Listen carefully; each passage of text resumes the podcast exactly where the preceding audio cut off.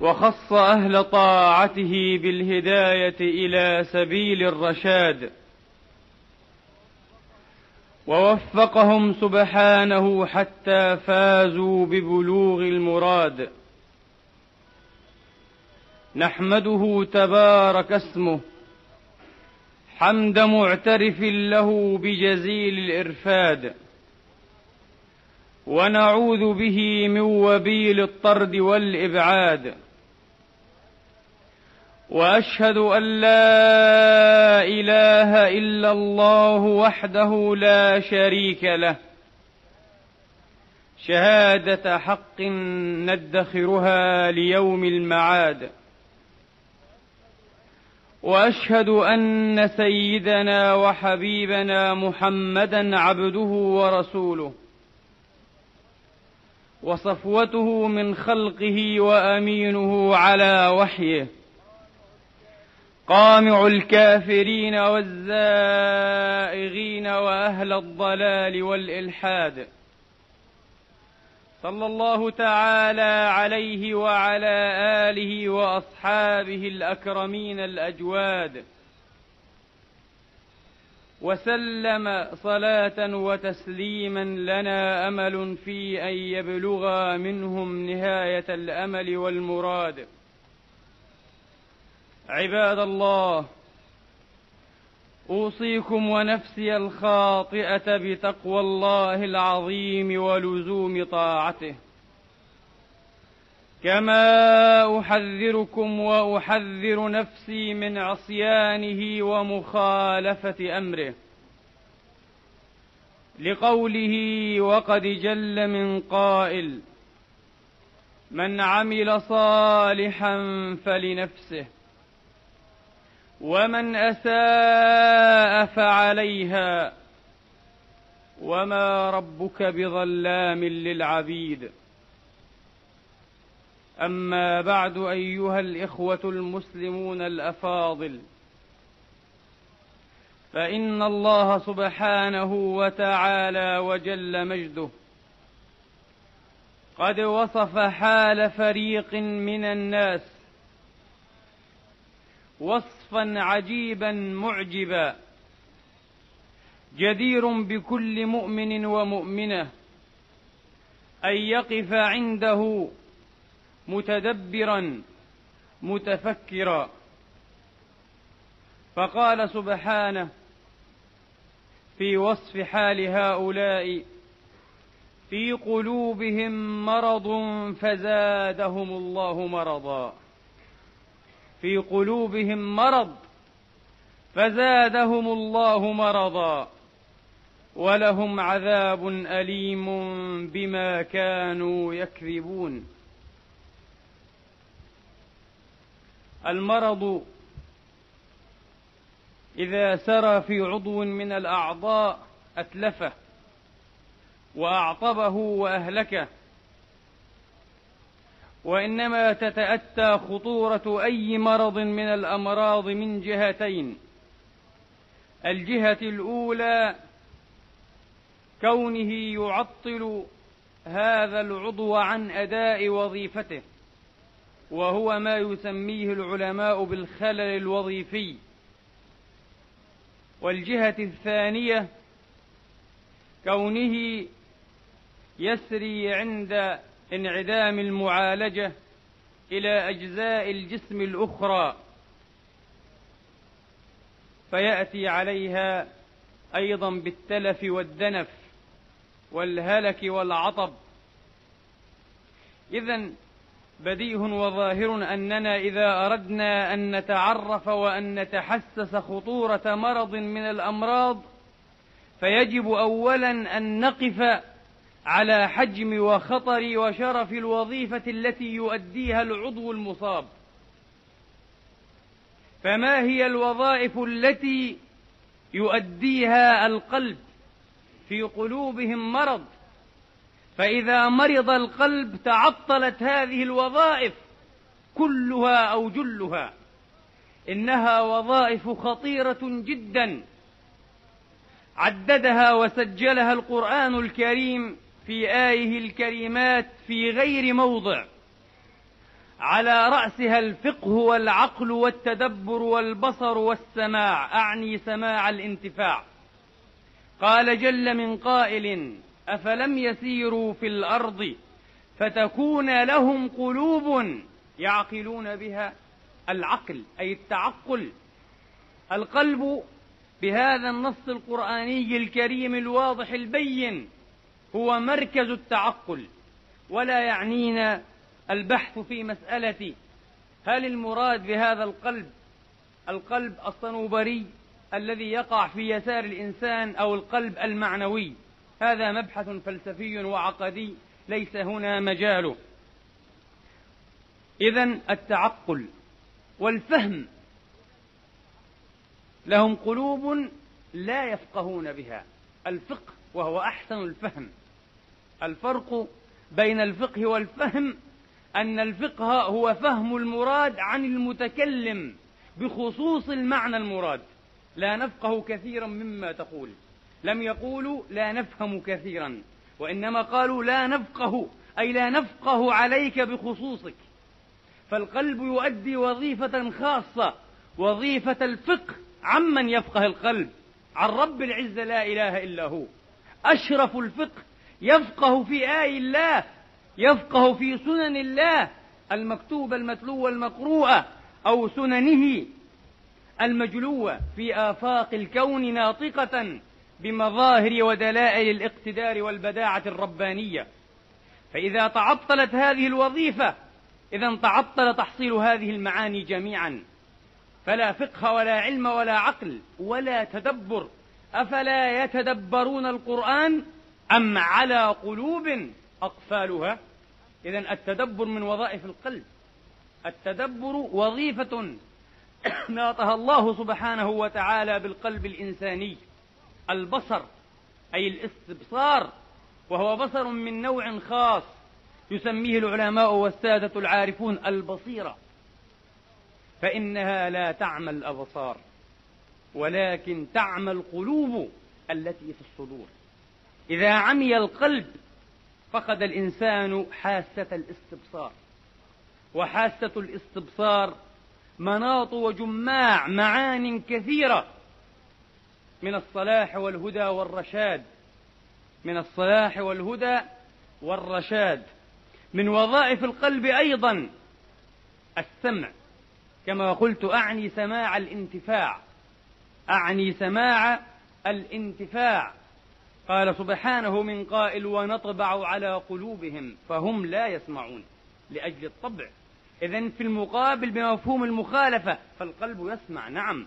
لكن سماعا لا كسماع هاتين الأذنين.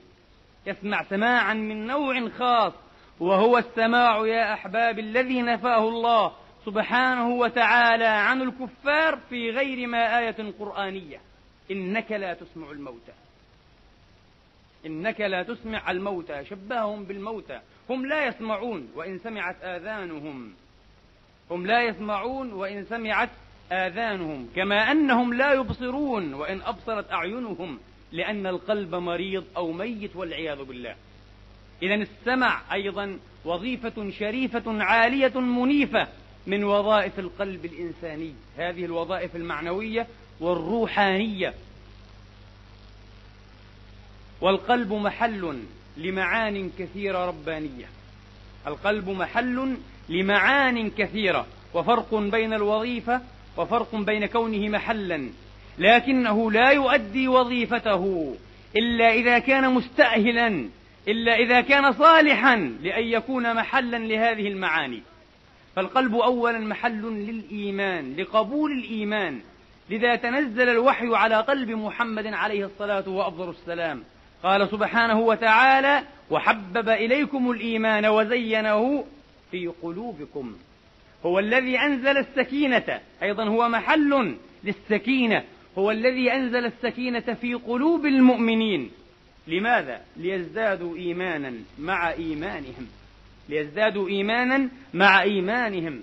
القلب محل للتقوى. أولئك الذين امتحن الله قلوبهم للتقوى. القلب محل أيضا لهذا المعنى لهذا المعنى الشريف الجليل تقوى الله وهي جماع الخير جماع الخير تقوى الله سبحانه وتعالى. لذا عندما استوصاه بعضهم عليه الصلاة وأفضل السلام قال عليك بالتقوى فإنها جماع كل خير عليه الصلاة وأفضل السلام. والقلب أيضا موضع للطمأنينة طمأنينة الإيمان وطمأنينة الثقة بموعود الله سبحانه وتعالى بما عند الله سبحانه وتعالى. ولكن ليطمئن قلبي. إلا من أكره وقلبه مطمئن بالإيمان. ألا بذكر الله تطمئن القلوب؟ هو محل أيضا لهذا المعنى الشريف. معنى الطمأنينة أو الطمأنينة.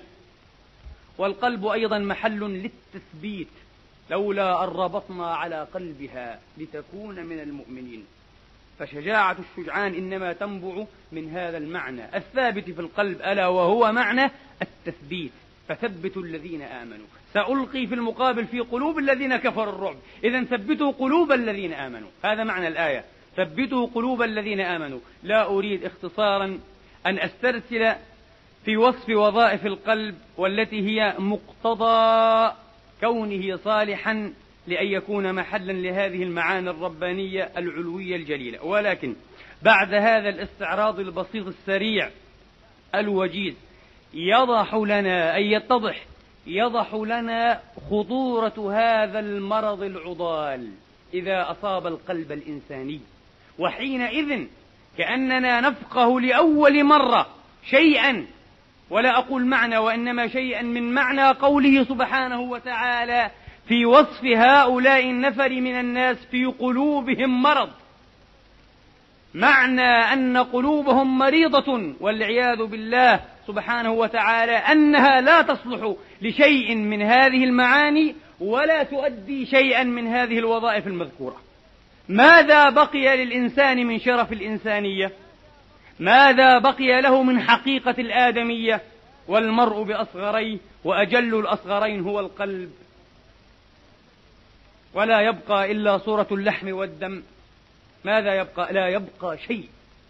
لذا فالمنافق هذه الآية نزلت توصيفا للمنافقين وتمييزا لهم من جماعة وعسكر الموحدين في قلوبهم مرض فزادهم الله مرضا. هؤلاء الناس بهذا الوصف الرباني وبهذا الفقه القرآني في هذا الوصف لا خير فيهم بتة. لا يمكن أن ينتظر منهم خير. هم نماذج. نادرة من البشر. نماذج نادرة من البشر. ولكن شرها مستطير. نار تلفح وجوه الناس الآمنين. إنهم أهل النفاق. إنهم أصحاب القلوب المريضة. إنهم أصحاب القلوب المريضة. ولكن إذا وقفنا عند قوله سبحانه وتعالى بتأمل أبعد وأعمق وتدبر أحسن وأوفق في قلوبهم مرض فزادهم الله مرضا. يمكن أن نفقه أن للنفاق درجات وهذا بدهي وهذا منطقي. كل شيء يبدأ من بداية وينهج في خطته إلى أن ينتهي إلى غاية ما بعدها غاية. فلا بد أن يكون للنفاق بداية وأن يكون له نهاية والعياذ بالله. وبينهما درجات متفاوتات وبينهما درجات متفاوتات. بداية النفاق لوثة تصيب شخصية الإنسان تصيب باطن الإنسان فينشأ عنها مزيج مركب من سيء الأخلاق. وهو الذي يدعوه بعض الفاقهين في علم النفس بالعقد النفسية. نعم فالمنافق رجل معقد وسيأتي إيضاح هذا المعنى بعيد قليل. لا يمكن أن يكون إنسانا سويا سويا في عقله أو سويا في قلبه أو سويا حتى في جثمانه. لا بد أن يكون إنسانا ملتافا بكل المعنى وبكل المقاييس. في قلوبهم مرض فزادهم الله مرضا. إذا تمادى المرض بصاحبه إلى ما يؤدي يؤدي إلى موت القلب. وإذا مات القلب هل يصلح أن يكون محلا ومحطا لرعاية الله؟ لنظر الله؟ فالقلب أيضا وهذا من معانيه الشريفة محل لنظر رب الأرباب لا إله إلا هو. في الحديث الذي أخرجه الإمام مسلم في صحيحه وفي نهايته ولكن ينظر إلى قلوبكم وأعمالكم. إذا الله له نظرة في قلوب العباد. فهل هذا فهل هذا القلب الميت الدافر الدارس هل هذا يصح أن يكون خليقا ومستأهلا لنظر الله فيه حاشا وكلا؟ حاشا وكلا لأنه ميت وإليه الإشارة في حديث الطبراني وغيره أحيا الله قلبه يوم تموت القلوب. هناك قلوب حية وهناك قلوب ميتة. قلوب حية وقلوب ميتة والعياذ بالله. القلب الميت انقطع عنه مدد الله. انقطع عنه عطاء الله. انقطع عنه نظر الله سبحانه وتعالى. فماذا يستأهل؟ لا يستأهل إلا أن يكون حطبة من حطب جهنم. من جملة حصب جهنم. هم لها واردون.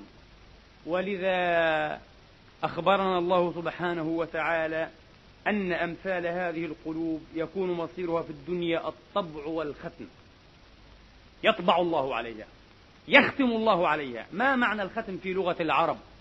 الختم هو الاستيثاق من الشيء. إذا استوثقت من شيء يقال إنك ختمت عليه. الاستيثاق من شيء لكنه استيثاق مخصوص بحيث لا يخرج منه داخل فيه ولا يدخل إليه خارج عنه. انتهى. المنافق لا يسمع لا يبصر لا يعقل لا يتدبر لا تنفع معه الموعظة ولا النصيحة. مختوم على قلبه ولكن بما جنت يداه يداك أوكت وفوك نفخ. فنفسك لم ولا تلم المطايا. ومت كمدا فليس لك اعتذار الأبعد. أكرمكم الله. إذا هذه نهايته. الطبع والختم لأنه ميت. لأنه ميت. وبدايته لوثة. التياس يحصل للإنسان. ولا يلاحقه بأساليب التربية وأفانين العلاج الدقيقة المأخوذة من فقه في كتاب الله وفي أسلوب تربية النبي وتعليمه عليه الصلاة وأفضل السلام وفي مطاردة هذه النفس بالتلاوم والتأنيب والمحاسبة والمراقبة الدقيقة الفاحصة. إذا ترك الإنسان نفسه ربما صار والعياذ بالله في أوسط أو إلى نهايات درجات النفاق. فزادهم الله مرضا. والقضية خطيرة جدا. من خلال دراسة بسيطة اتضح لي سبحان الله هؤلاء المنافقون موجودون في كل الأمم وليس فقط في الأمة الإسلامية في كل الأمم. إنهم نماذج كما قلت عجيبة ونادرة من البشر. فإذا كانوا في وسط ديني برز نفاقهم في هذا الوسط الديني. وإذا كانوا يعملون في وسط اجتماعي أو إداري برز نفاقهم في هذا الوسط. بحسب المكان طبعهم من طبع السوس. لا يوجد في شيء إلا أفسده. وللنفاق مجالات ربما قدر الله سبحانه وتعالى ووفق أن أتحدث عن بعض هذه المجالات. والحديث عنها هام جد هام مجالات كثيرة. نحن نعلم منها فقط المجال الديني. المنافق في المجال الديني والمنافق في بعض المجالات الاجتماعية. منافق في دينه يسر الكفر ويظهر ويتعوذ بالإيمان. منافق في بعض العلائق وطرائق السلوك الاجتماعي إذا حدث كذب وإذا وعد أخلف وإذا أتمن خان وإذا خاصم وإذا عهد إلى آخره. لا دائرة النفاق أوسع من هذا بكثير ومجالاتها أبعد وأعمق من هذا بكثير وأردع والعياذ بالله. لكن هذا أخطرها. صنف العلماء كما قلت أن هذه ظاهرة يبدو أنها ظاهرة إنسانية في هذا الإنسان نفسه. صنف العلماء الشخصية الإنسانية المضطربة. الإنسان إما أن يكون إنسانا سويا أو إنسانا مضطربا. لكنهم لهم اصطلاح خاص في الفصل بين اضطراب الشخصية وبين مرض الشخصية. فعندهم الشخصية المضطربة ليست مريضة نفسية. هذا اصطلاح ولا مشاحة في الاصطلاح. لا تضييق في الاصطلاح. تحدثوا عن شخص أو عن شخصية نمطية معينة أسموها بالشخصية الحدية. لا أجد ما يوافقها من لغة القرآن ولغة الشرع إلا المنافق. ولكن المنافق في أولى الدرجات أو في أوسطها لا في نهايتها. تسمى الشخصية الحدية. صاحب الشخصية الحدية إنسان مضطرب الشخصية ليس سويا. وإن حسب نفسه سويا. وإن حسب نفسه خير من كل الناس خيرا من كل الناس وأذكى من كل الناس وأحسن من كل الناس لكنه ليس كذلك. هو مضطرب هو في عمى عن تقويم نفسه هو في عمى عن تقويم نفسه وقديما قيل بحق من عرف قدر نفسه لم يهلك من عرف قدر نفسه لم يهلك. أكثر الهلاك يأتي من العجب والجهل بهذه النفس والعياذ بالله.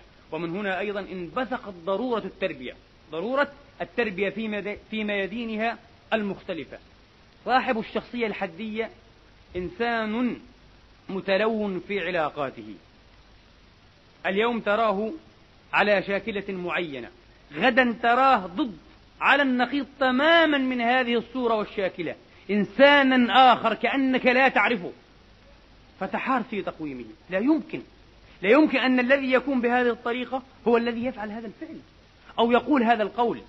مثلا يا إخواني أضرب لكم مثالا من واقعنا نحن أنفسنا.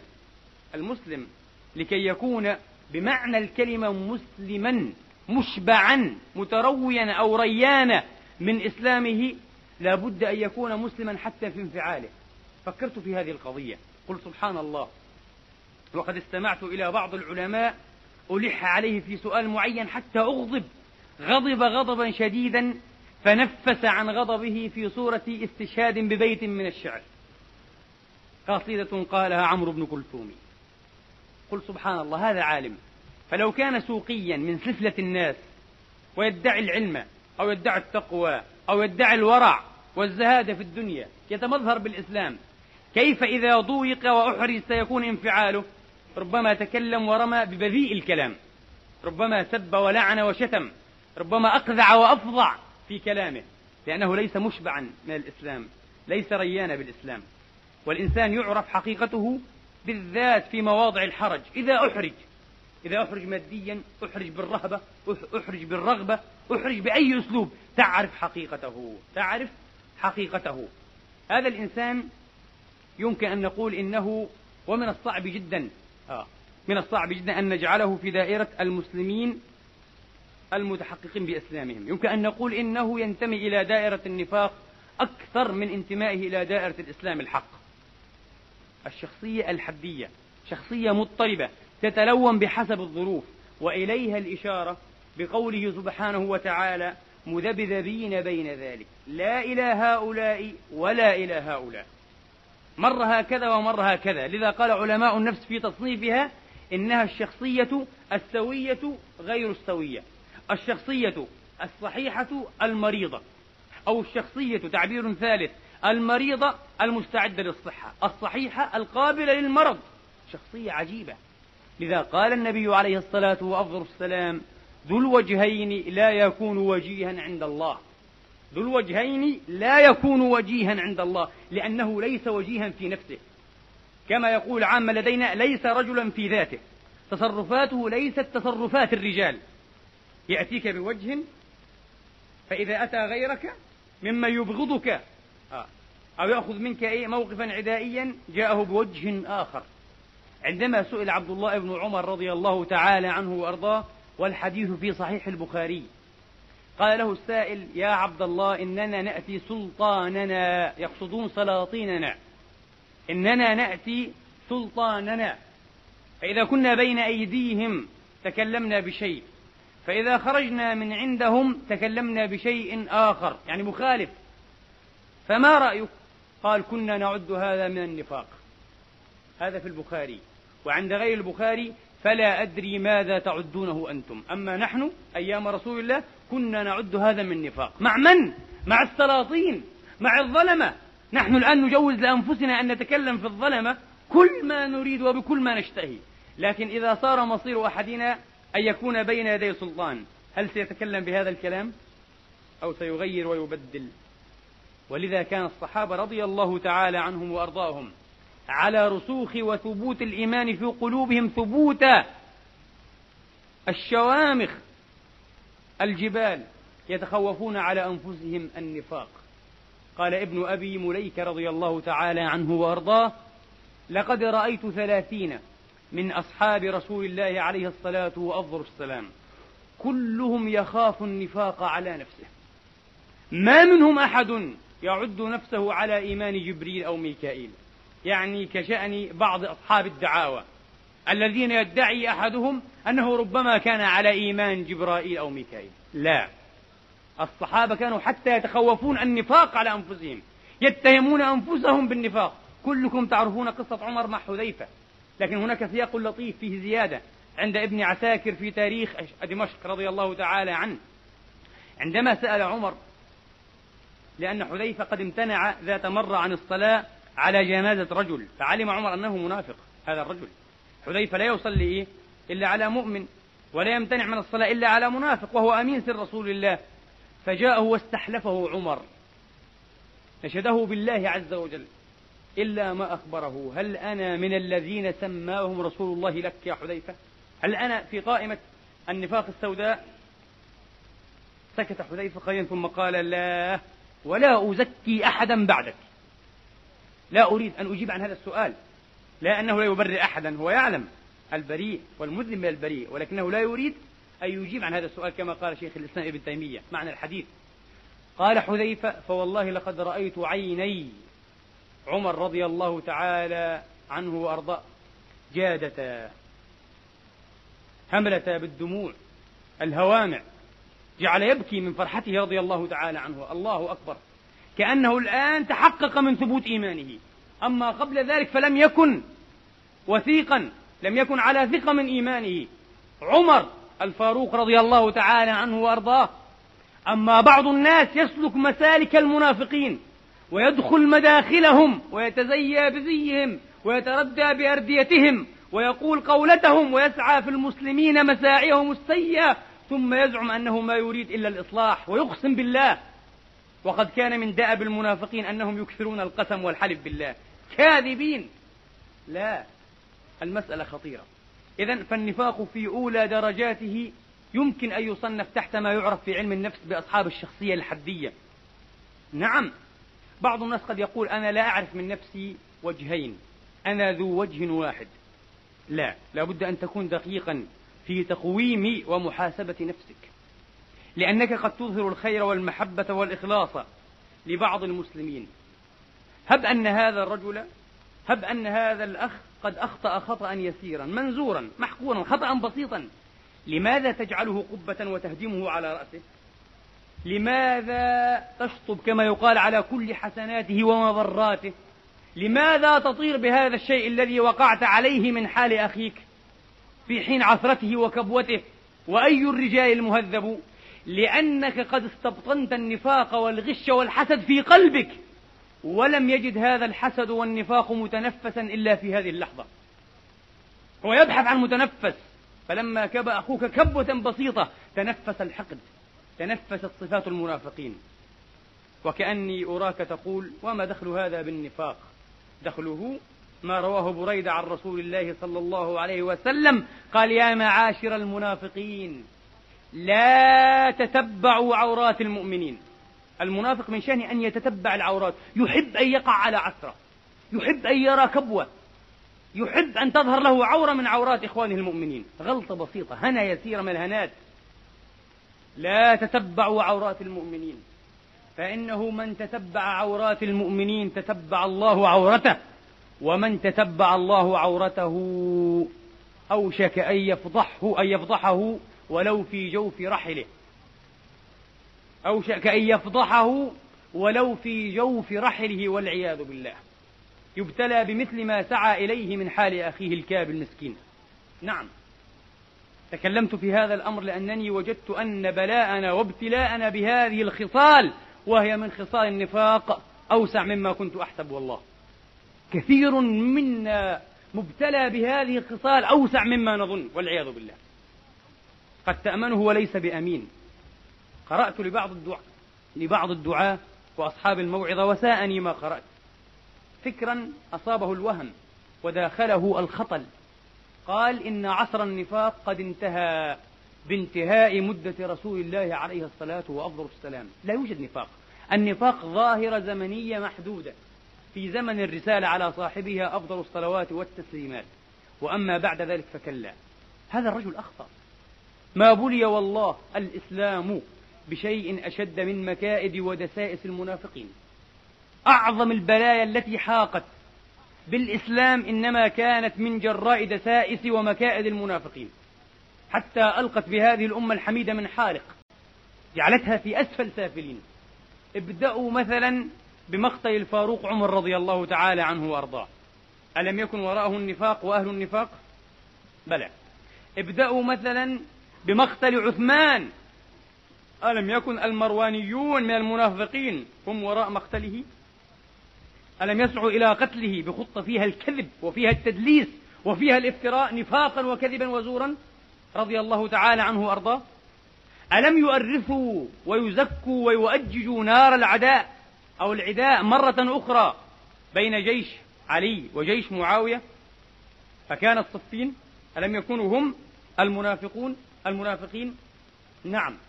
عبد الله بن سبأ ألم يكن من المنافقين؟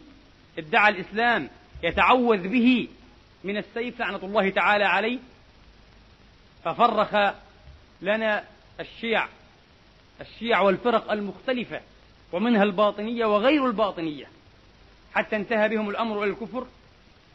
ميمون ابن ديصان القداح ألم يكن أيضا من المنافقين تمظهر بالإسلام وباطنه الكفر ماذا كان إيه جراء فعله ونفاقه؟ نشوء الدولة العبيدية في المشرق وفي المغرب. بقيت أكثر من ثلاثة قرون سامت المسلمين سوء العذاب. ونقفز قفزة طويلة تاريخية إلى يهود الدونمة هؤلاء اليهود الذين نبى بهم موطنهم وذبحهم النصارى تذبيحا ما وجدوا ملجأ يلجؤون إليه إلا أراضي وممالك الدولة العثمانية المسلمة. فأعلنوا إسلامهم ثم خربوا هذه الدولة نفاقا من داخلها في باطنها حتى كانت النتيجة أنهم أسقطوا علم الخلافة الإسلامية النفاق أخطر الأدواء التي أصابت هذه الأمة على مستوى الأفراد وعلى مستوى الجماعات. لأوجز الشخصية الثانية عندما يصل المنافق إلى آخر دركات لا أقول درجات عندما يهوي إلى آخر دركات النفاق. علماء النفس أي الظن وقعوا على هذه الشخصية وبكثرة وصنفوها تحت ما يعرف بالشخصية السيكوباتية أي المختل عقليا. المنافق نفاقا كاملا هو شخص سيكوباتي. أولا يحسن التمثيل. قد يبكي. قد يسمع موعظة فيبكي. تجود عيناه. لكنه منافق. وليس وجيها عند الله. الصحابة يا أحبابي كانوا أفطن منا والله وأفقه منا. كانوا على سليقتهم. لأن قلوبهم كانت حية فيها فراسة وفيها استبصار. علي رضي الله تعالى عنه وأرضاه يقول كما روى الإمام الديلمي في مسند الفردوس المنافق أملك شيء لعينيه يبكي بهما متى شاء. المنافق المؤمن لا يملك عينيه. المؤمن قد لا يبكي في كل وقت قد لا يستطيع أن يبكي في هذا الوقت. أما المنافق متى أراد يبكي؟ تماما هذه في علم النفس شخصية السيكوباتيك. يبكي متى أراد؟ لو أحرج يبكي ويفتعل إيه؟ البكاء كأنه مظلوم مضطهد. إذا فالم... الذي أريد أن أخلص إليه لا أريد أن أثبت أن السيكوباتي منافق. لا أريد أن أثبت أن المنافق سيكوباتي مختل عقليا ومختل نفسيا. ولا فائدة ولا جدوى ولا طائل من محاولات إصلاحه. هكذا أيضا قرر علماء النفس. قد تقول لي, قد, قد تقول لي وهكذا قرر الله؟ نعم. صم بكم عمي فهم ماذا؟ لا يرجعون لا جدوى من إصلاحهم. الإنسان لو هوى إلى هذا الدرك لا جدوى من إصلاحه. كل علماء النفس الذين تحدثوا في اضطراب الشخصية الذين قرأت لهم وجدتهم مجمعين على أنه لا جدوى من إصلاح السيكوبات هذا. طبعا أنا لا لم أستطرد إلى المقارنة الطويلة. بين صفات هذا المختل عقليا وبين صفات المنافق العريق في نفاقه. كلها صفات متوافقة. نفس الصفات. صفات انعكاسية تماما. نفس الصفات. ثم قال علماء النفس ولكن محور هذه الشخصية يدور على شيئين. الكذب وأخطر من انتهاك حقوق الآخرين. دائما يلغ في أعراض الناس. يصادر حقوق الآخرين في معركة مستمرة يخرج من معركة إلى معركة إلى معركة. بينه ثأر قديم مع كل الموحدين مع كل المخلصين مع كل العاملين. إنه شخص المختل عقليا لا جدوى من إصلاحه. قال العلماء إذا ابتلي أحدكم علماء النفس إذا ابتلي أحدكم بمثل هذا الشخص فالنجاء النجاء. النجاة النجاة الخطة الراشدة ألا تتعامل معه إلا في حدود الاضطرار في حدود الضرورة. قال عز من قائل إن الذين آمنوا ثم كفروا ثم آمنوا ثم كفروا ثم ازدادوا كفرا. الإمام الشافعي وقف عند هذا الجزء من الآية. ما معنى ازدادوا كفرا؟ كفروا فهمنا معناها وفقهنا فيها شيئا ولكن ما معنى أن الإنسان يكفر ويزداد كفرا؟ كيف يكون الازدياد في الكفر؟ والكفر معنى كالإيمان. قال الإمام الشافعي إن معنى ازدادوا كفرا أي تزندقوا. إذا فآخر الآية يتحدث عن المنافقين. أولها يتحدث عن المرتدين فيه عموم وآخرها فيه خصوص ثم ازدادوا كفرا. قال إمامنا أبو عبد الله رضي الله تعالى عنه وأرضاه الشافعي والإنسان لا يزداد كفرا إلا إذا أبطن الكفر وأظهر الإيمان. فهذه زيادة في الكفر والعياذ بالله. لأنه لا يألو المسلمين حينئذ خبالا. لا يألو المسلمين المخلصين حينئذ إلا خبالا. خبالا. لعنة الله تعالى عليهم. هذا ازدياد الكفر. فما هي النتيجة؟ ما هو القرار الرباني بشأن هؤلاء؟ لم يكن الله ليغفر لهم ولا ليهديهم سبيلا. أليس معنى هذا القرار أنهم ميؤوس منهم؟ لا يوجد هداية. أبدا انتهت انتفت هذه الهداية عنهم. لم يكن الله ليغفر لهم ولا ليهديهم سبيلا. المنافق يحسن التمثيل يحسن ربط وإحكام القناع تماما. المنافق هيئته جميلة لباسه مرتب جسمه نام لأنه يغذو تعجبك أجسامهم كأنهم خشب مسندة. لأنه يدور على شهواته وملذاته وأهوائه لا فكر له. لا فكر ولا بصر ولا هم لا بقضية أمة ولا بقضية أسرة حتى ولا بقضية نفس. لذا ينمو جسمه. آه. يعيش على الدعة. هذا من جهة الظاهر ومن جهة الباطن يشع قلبه بالظلمات. إنه مهندس الرذيل في كل حين. إنه حليف الخيانة. إنه بيت الكذب. المنافق. شكله شيء وباطنه شيء آخر. النبي نجح عليه الصلاة وأفضل السلام نجاحا نادرا عندما وصف ونعت. هذا المنافق بقوله ومثل المنافق الذي يقرأ القرآن. معناها لحية وجلباب مكفوف وربما أيضا إيه سواك وسنة وعمامة ويقرأ القرآن. منافق يقرأ القرآن ما حاجته بالقرآن؟ ومثل المنافق الذي يقرأ القرآن كمثل الريحانة ريحها طيب ترى وجهه طيبا. سلوكه الظاهر طيبا. ترى جسمه وهيئته تبعث على الاحترام والتوقير. وطحمها مر باطنها مر.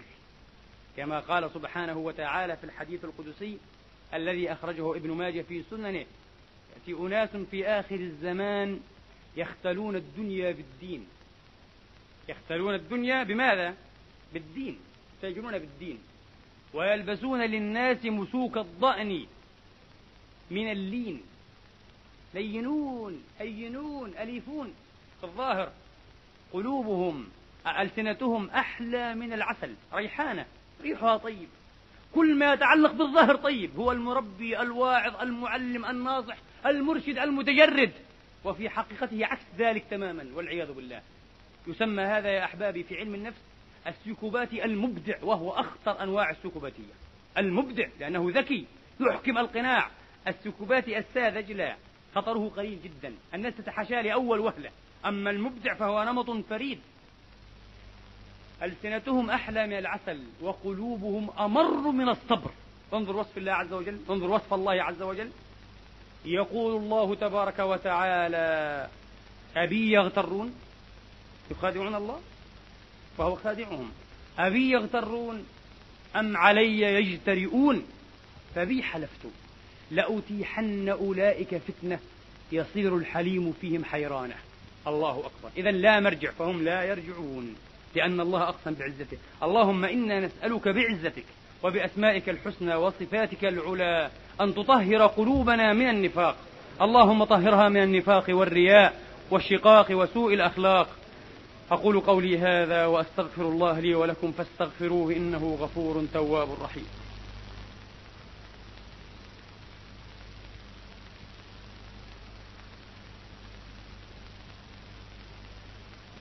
الحمد لله رب العالمين والعاقبة للمتقين ولا عدوان إلا على الظالمين. وأشهد أن لا إله إلا الله الملك الحق المبين وأشهد أن محمدا عبده ورسوله الصادق الوعد الأمين صلى الله تعالى عليه وعلى آله الطيبين وصحابته المباركين وأتباعهم بإحسان إلى يوم الدين. عباد الله اعلموا أن الله سبحانه وتعالى قد أمركم بأمر بدأ فيه بنفسه ثم ثنى فيه بملائكة عرشه وقدسه فقال جل من قائل مخبرا وآمرا إن الله وملائكته يصلون على النبي. يا أيها الذين آمنوا صلوا عليه وسلموا تسليما. لبيك اللهم صل على محمد وعلى آل محمد كما صليت على إبراهيم وعلى آل إبراهيم. وبارك على محمد وعلى آل محمد كما باركت على إبراهيم وعلى آل إبراهيم في العالمين إنك حميد مجيد. اللهم حبب إلينا الإيمان وزينه في قلوبنا وكره إلينا الكفر والفسوق والعصيان واجعلنا من الراشدين.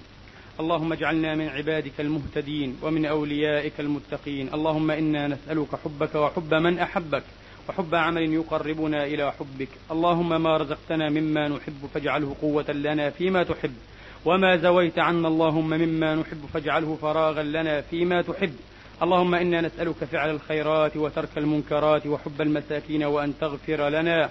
وإذا أردت بقوم فتنة فاقبضنا إليك غير مفتونين. اللهم أعنا على ذكرك وشكرك وحسن عبادتك. ربنا آتنا في الدنيا حسنة وفي الآخرة حسنة وقنا عذاب النار. ربنا لا تزغ قلوبنا بعد إذ هديتنا وهب لنا من لدنك رحمة. إنك أنت الوهاب. اللهم اجعلنا نخشاك حتى كأننا نراك وأسعدنا بتقواك ولا تشقنا بمعصيتك وخر لنا في قضائك وبارك لنا في قدرتك. حتى لا نحب تأخير ما عجلت ولا تعجيل ما أخرت. واجعل اللهم غنانا في أنفسنا ومتعنا بأسماعنا وأبصارنا وقواتنا ما أحييتنا.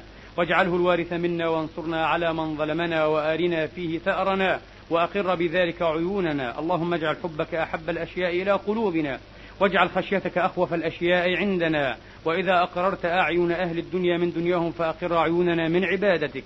اللهم إنا نسألك ونبتهل إليك أن تنصر الإسلام والمسلمين وأن تعلي بفضلك كلمتي الحق والدين. اللهم انصر من نصر المسلمين واخذل من خذل المسلمين. ربنا اغفر لنا ولوالدينا وارحمهم كما ربونا صغارا. اجزهم بالإحسان إحسانا وبالسيئات غفرانا. واغفر اللهم للمسلمين والمسلمات المؤمنين والمؤمنات الأحياء منهم والأموات بفضلك ورحمتك إنك سميع قريب مجيب الدعوات عباد الله.